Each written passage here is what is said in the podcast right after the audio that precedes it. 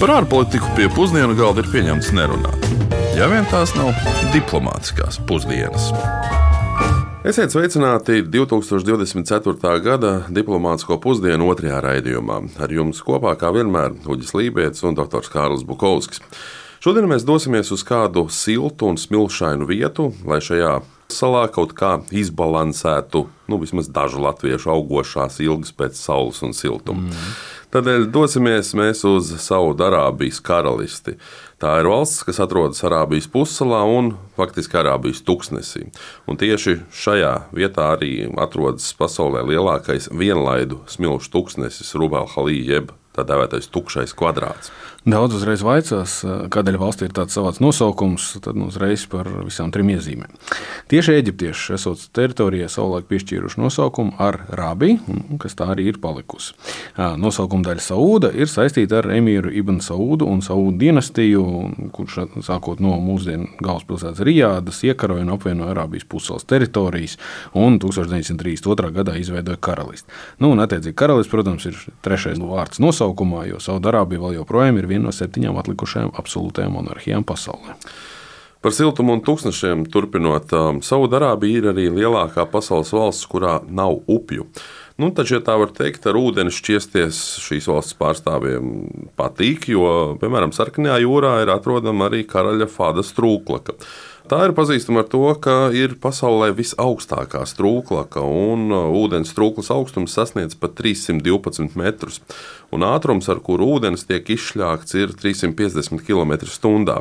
Šī strūklaka tika pabeigta 1985. gadā un patiesībā izskatās visnotaļ iespaidīgi.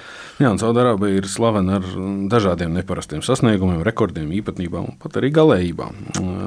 Divi vēl tādi piemēri ar kaimiņu valsts Bahreinu.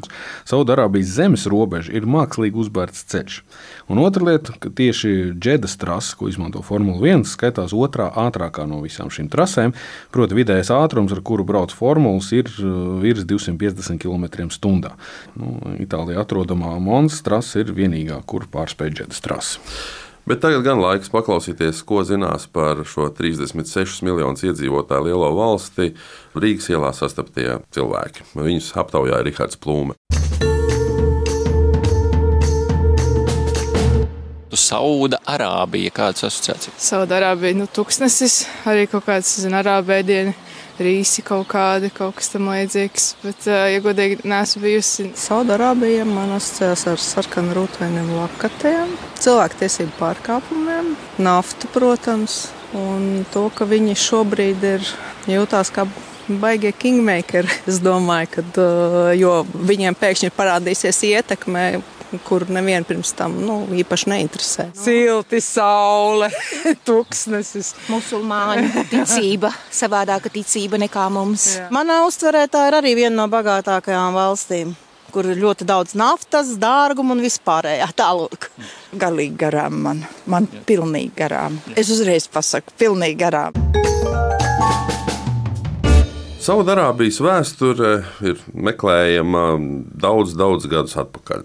Arheoloģiskie atradumi apliecina, ka tieši Arābijas pussala ir tā vieta, kur pirmotnējie cilvēki sākotnēji ieceļoja no Āfrikas. Teritorija savu ekstrēmā klimata dēļ vienmēr ir bijusi populāra beduīnu vidū, bet īpašu nozīmi tā ieguva pateicoties Mekas pilsētai, kurā 570. gadā piedzima islāma reliģijas dibinātājs un pravietis Muhameds. Mekas nozīme ir tik liela, ka 622. gads, kad Muhameds bija spiests pamest savu dzimto pilsētu un doties uz Medinu, vēl mūsdienās skaita par Hidžas kalendāra pirmo gadu. Nu, respektīvi, mēnesis ciklos balstītais islāma kalendārs šobrīd rāda 1445. nevis 2024. gadu. Un jaunais gads, starp citu, iesāksies tikai 7. jūlijā. Interesanti, ka Muhameds Tāpat atgriezās Mekā 630. gadā, un šis arī bija viens no iemesliem, kādēļ eh, notiek hāģi, jeb musulmaņu svētceļojums uz Meku. Muhameds nomira Medīnā 632. gadā, bet Meka skaitās musulmaņu pasaulē vissvētākā vieta. Mekā ir atrodama ne tikai kāba, kas ir svētnīca, kurā vienā no stūriem ir atrodams arī slavenais melnais akmens, bet to ieskauj arī lielā mošeja, kur mūsdienās pēc visām paplašināšanām pārbūvēm var uzņemt eh, līdz pat 820 tūkstošiem cilvēku. Nu, melnais akmens, ja kāda interesē, tiek uzskatīts, ka tas ir meteorīta gabals. Un pēc Muhameda nāves islāms izplatījās visnotaļ strauji, un Umajādu kalifāts, kas pastāvēja starp 661 un 750 gadu, tiek uzskatīts par vienu no visu laiku lielākajām impērijām pasaules vēsturē, jo tajā tobrīd dzīvoja 62 miljoni cilvēku, un tajā laikā tā bija aptuveni trešā daļa no visiem pasaules iedzīvotājiem. Saudārābija savu nosaukumu, kā mēs minējām, iegūst pēc savu dinastijas pārstāvjiem, bet eh, viņu vēsturiskā loma nesākās 20. gadsimta sākumā, kā jau aprakstījām. Tā sākās jau 1727. gadā, kad pie varas eh, mūsdienu Rijādas teritorijā nāca Muhameds bin Sauds. Apmēram 15 gadus pēc savas nākšanas pie varas viņš veiksmīgi politisko sadarbību izveidēja ar Muhamedu Ibn Abn al-Wahabu. Un tieši šis striktais sunītu islāma pūrisma sludinātājs arī kļuva par būtisku daļu no savu dinastijas varas arī mūsdienās. Un tieši šis striktais vahābisma novirziens kombinācijā ar islāma izcelšanās svētvietas sargātāju likteni arī ir radījis nu, tik ļoti konservatīvo islāmistu valdību Saudārābijā. Teokrātiskā monarhija, kur valda viena ģimene, un kur valstī nav politisko partiju, masu mediji tiek cenzēti, un kur valda stingrs šariāts, atteikšanās no islāma tiek sodīta ar nāvi. Tie visi ir galvenie raksturu lielumi mūsdienu Saudārābijas politiskajai sistēmai. Jāsaka, gan ka pasaules spiediena rezultātā, nu, gan arī val, valdītāju personīgo skatījumu, gan arī tās vispārējās pasaules ekonomiskās, tehnoloģiskās un politiskās modernizācijas rezultātā, kopš 2005. gada pakāpeniski ir mainījušies arī daudz para, likumu un paražas Saudārābijā. Nu, primāri būtisks uzlabojums ir piedzīvojusi attieksme pret sieviešu tiesībām. Tagad sievietēm ir daudz lielākas ekonomiskās brīvības iespējas un to starp 2017. gada septembrī arī tika atcelts bēdīgs slavenais aizliegums sievietēm vadīt automašīnas. Kopš 2019. gada decembra Saudārābijā precēties arī drīkst tikai 18 gadus sasniegušas personas, neatkarīgi no dzimuma. Un kā esam aplūkojuši ļoti daudzos mūsu raidījumos, tad uh, bērnu izprecināšana mūsdienās ir ļoti izplatīta praksa daudzās pasaules valstīs, nu, ne tikai islāmticīgajās. Un tieši Saudārābija, nu, varbūt par pārsteigumu, cenšas radīt savu veidu piemēru šajā jautājumā. Nu, šis piemērs ir tikai viens no daudz lielākām pārmaiņām un pakāpenisku atteikšanos atteikšanos arī no valīja principa, no, kas ir vīriešu aizbildniecība pār sievietēm. Valīja daudz sieviešu tiesību aizstāvus uzskata par faktisku verdzību un vīriešu īpašumtiesībām uz sievieti, jo jebkurš ģimenes vīrietis, tas tēvs vai brālis vai vīrs vai tēvots, nu, bija tiesīgi izlemt pār sievietes dzīvi. Vēl papildus šim 2005. gadā arī notika pirmās vēlēšanas Saudārābijā, kur pilsoņi izvēlējās pašvaldību padomnieks. Un desmit gadus vēlāk vēlēšanās varēja gan balsot, gan kandidēt arī sievietes. Un vesels 19 no tām arī ieguva pārstāvību. Un tagad gan pieķersimies Saudārābijas ekonomikai, kurā principā valda nafta un gāze, nu, bet primāri nafta. Nu, ļoti daudz naftas. Mm -hmm. Tiek rēķināts, ka Saudārābija pieder aptuveni 17% no visas pasaules atklātajām naftas rezervēm. Tas ir otrs lielākais rādītājs pēc Venecuēlas.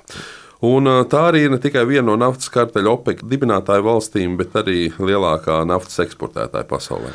Nafta Saudārābijas Alašas reģionā un arī citos tika atklāta 1938. gadā, bet nu, ieguve tika attīstīta pamatīgi no 41. gada un sadarbībā ar Amerikas Savienotajām valstīm. Aramco, jeb Arābu Amerikāņu naftas kompānija, kā šis nosaukums atšifrējas, mūsdienās ir otra lielākā kompānija pasaulē pēc ieņēmuma rādītājiem. Četrus gadus pēc tam, kad 1976. gadā Saudārābija kļuva par lielāko naftas eksportētāju pasaulē, Aramco amerikāņu daļas Eh, izpirka Saudārābijas valdība. Bet varbūt kā daudz zina, tad amerikāņu intereses un politiskā un ekonomiskā draudzība ar Saudārābiju nebūtu nav mazinājušās. Gluži pretēji, tās tradicionāli ir bijušas visnotaļ ciešas. Um, ASV ir Saudārābijas strateģiskais partneris un valsts tradicionāli tiek uzskatīta par pro-rietumniecisku. Tādēļ, lai labāk izprastu šīs attiecības no drošības puses, lūdzām to mums pastāstīt uh, Tartu Universitātes doktorantam un Baltijas aizsardzības koledžas lektoram Luisam Virangam. I have been asked to discuss briefly why the United States has a special security relationship with Saudi Arabia. Atbildot uz jautājumu, kāpēc Amerikas Savienotajām valstīm ir īpašas drošības attiecības ar Sauda Arābiju, es īsumā teiktu drošība un nafta. Turklāt pašlaik dominē drošības jautājums. Lai arī šīm attiecībām ir bijuši kāpumi un kritumi, un arī pašlaik tās nav visai stabilas, pamats īpašai saiknei ir. Sauda Arābijai ir unikāla pozīcija Arābu un Islāma pasaulē. Tai ir otrās lielākās naftas rezerves pasaulē un stratēģisks izvietojums. Un tieši reģionālā stabilitāte ir viens no ASV un Sauda Arābijas attiecību stabilitātes pīlāriem. Abām ir kopīgas intereses par Persijas līča reģiona drošību kā arī vēlme atturēt jebkurus ārējos spēkus no reģiona apdraudēšanas. Naftai un drošībai ir sena vēsture.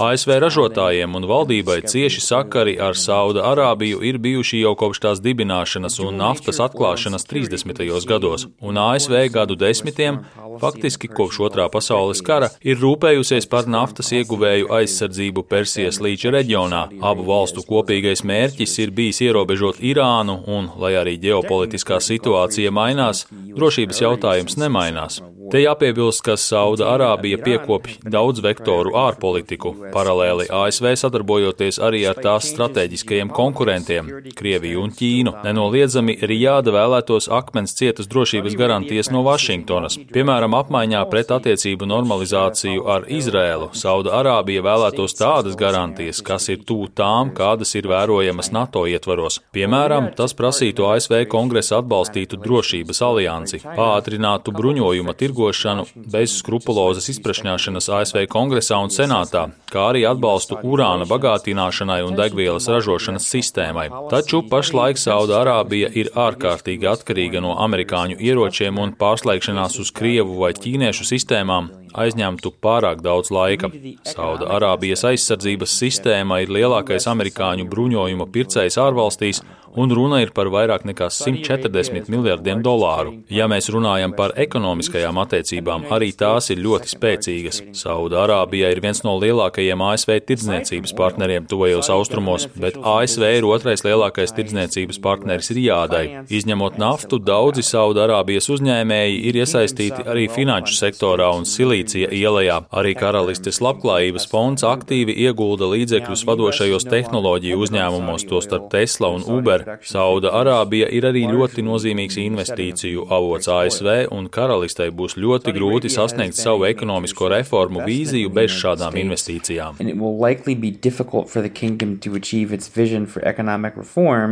Without such foreign investments. Vēl noslēgumā jāpiemina, ka Saudārābija ir vienīgā arābu valsts, kura ir G20 dalībvalsts. Tās ekonomika ir starp augsti attīstītākajām pasaules valstu ekonomikām, un IKP uz vienu iedzīvotāju ir aptuveni 56,000 eiro. Tas ir par nu, kādu trešdaļu vairāk nekā Latvijai.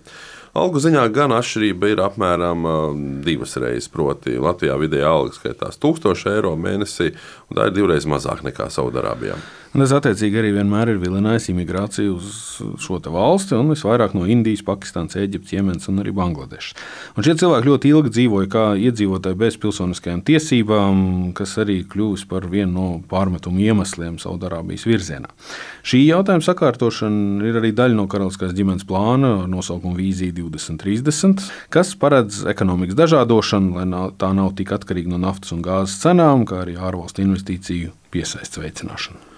Un pamatēdienu noslēgumā vēl prasās pieminēt arī futbolistus, jo Saudārābija ir kļuvusi par to valsti, kur slaveni un pieredzējuši futbolisti arvien biežāk izlemj spēlēt karjeras beigu daļā. Piemēram, Kristiānu Ronaldu un Karims Benzemā. Viņi piesaista Saudārābijas futbolam attiecīgi par 200 un 100 miljoniem eiro gadā. Arī ir daļa no valsts centieniem veidot atvērtu sabiedrības tēlu. Lai cik būtu paēdis, vienmēr ir vieta arī desertam. Desertā mums šodien divas lietas, kuras vēlējāmies izrunāt un uzrunāt, bet abas ir saistītas ar Britiem un Saudiešiem. Pirmais, Mekā pievilina miljonus ceļotāju ne tikai tādēļ, ka ir Islāma pasaules centrs, bet arī tādēļ, ka tajā ir atrodami abražu albaita torņi ar pasaulē pašu augstāko un lielāko ciparnīcu. Nu, Pūkstens ir izvietots 601 metra augstumā, un tā diametrs ir 43 metri. Respektīvi, tas ir sešas reizes lielāks nekā Londonas Big Bens. Saudārābijā gandrīzumā iespējams ir gaidām arī pasaulē visaugstākā ēka, un tā būs pirmā, kura sasniegs viena kilometra augstumu. Pēc piecu gadu dīkstāves šī vairāk nekā miljārdu eiro vērtā burža džeda, jeb džedas torņa būvēšana atkal ir atsākta. Pabeigšanas datums gan ir miglā tīts, nu, vai precīzāk sakot, tūkstneša smilšu vētrā tīts vai mākoņos mm. tīts. Nu, kā Jā, precīzi.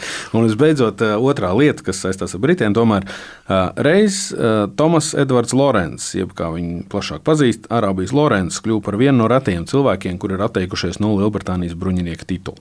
Karalis Džordžs V to gribēja šim slavenajam spiegam, rakstniekam, militāristam, diplomātam un revolucionāram piešķirt 1918 gadā, bet Lorenz no šī goda atteicās ar argumentu, ka Briti esot nodevuši arābus. Arābijas Lorenz ir zināms ne tikai pēc 1962. gada Holivudas filmas. Nu, primāri tomēr cilvēks bija ļoti aktīvs Pirmā pasaules kara laikā, kā daļa no Arābu revolūcijas pret Osmaņu impēriju. Viņš gan darbojās gan kā beduīnu militārais konsultants, gan kā rakstnieks, skaidrojot savus piedzīvojumus un arābu pasauli un kultūru rietumiem. Un viņa zināmākais darbs ir septiņi gudrības pīlāri, kurš ir sarakstīts 1922. gadā. Interesanti vēl, ka Arābijas Lorenz bojā gāja motocikla avārijā netālu no savām mājām Lielbritānijā. Viņš piedzīvoja kritienu, izvairoties vienlaicīgi no bedres uz ceļa un diviem velosipēdiem. Līdzīgi kā Rīgā. Nu, diemžēl, jā. Un Lorenz pārkrita pār stūri, sasitās un rezultātā pēc sešām dienām nomira 1935. gadā. Bet svarīgākais, viens no viņa ārstējošajiem ārstiem šo sešu dienu laikā bija Hugh Kērns, kura veiktie avārija pētījumi vēlāk rezultējās ar to, ka motociklistiem tika uzlikta obligāta prasība valkāt ķivers. Lūk, Arābijas Lorenz pārveidoja pasauli ne tikai dzīves laikā, bet patiesībā arī pēc nāves. Bet šodienai gan pietiks, un nākamajā nedēļā mēs dosimies uz Cabo Verdi jeb Zaļā raga salām. Uz sadzirdēšanos! Lai izdodas! Diplomātiskās pusdienas katru otrdienu pusdienos Latvijas Radio 1.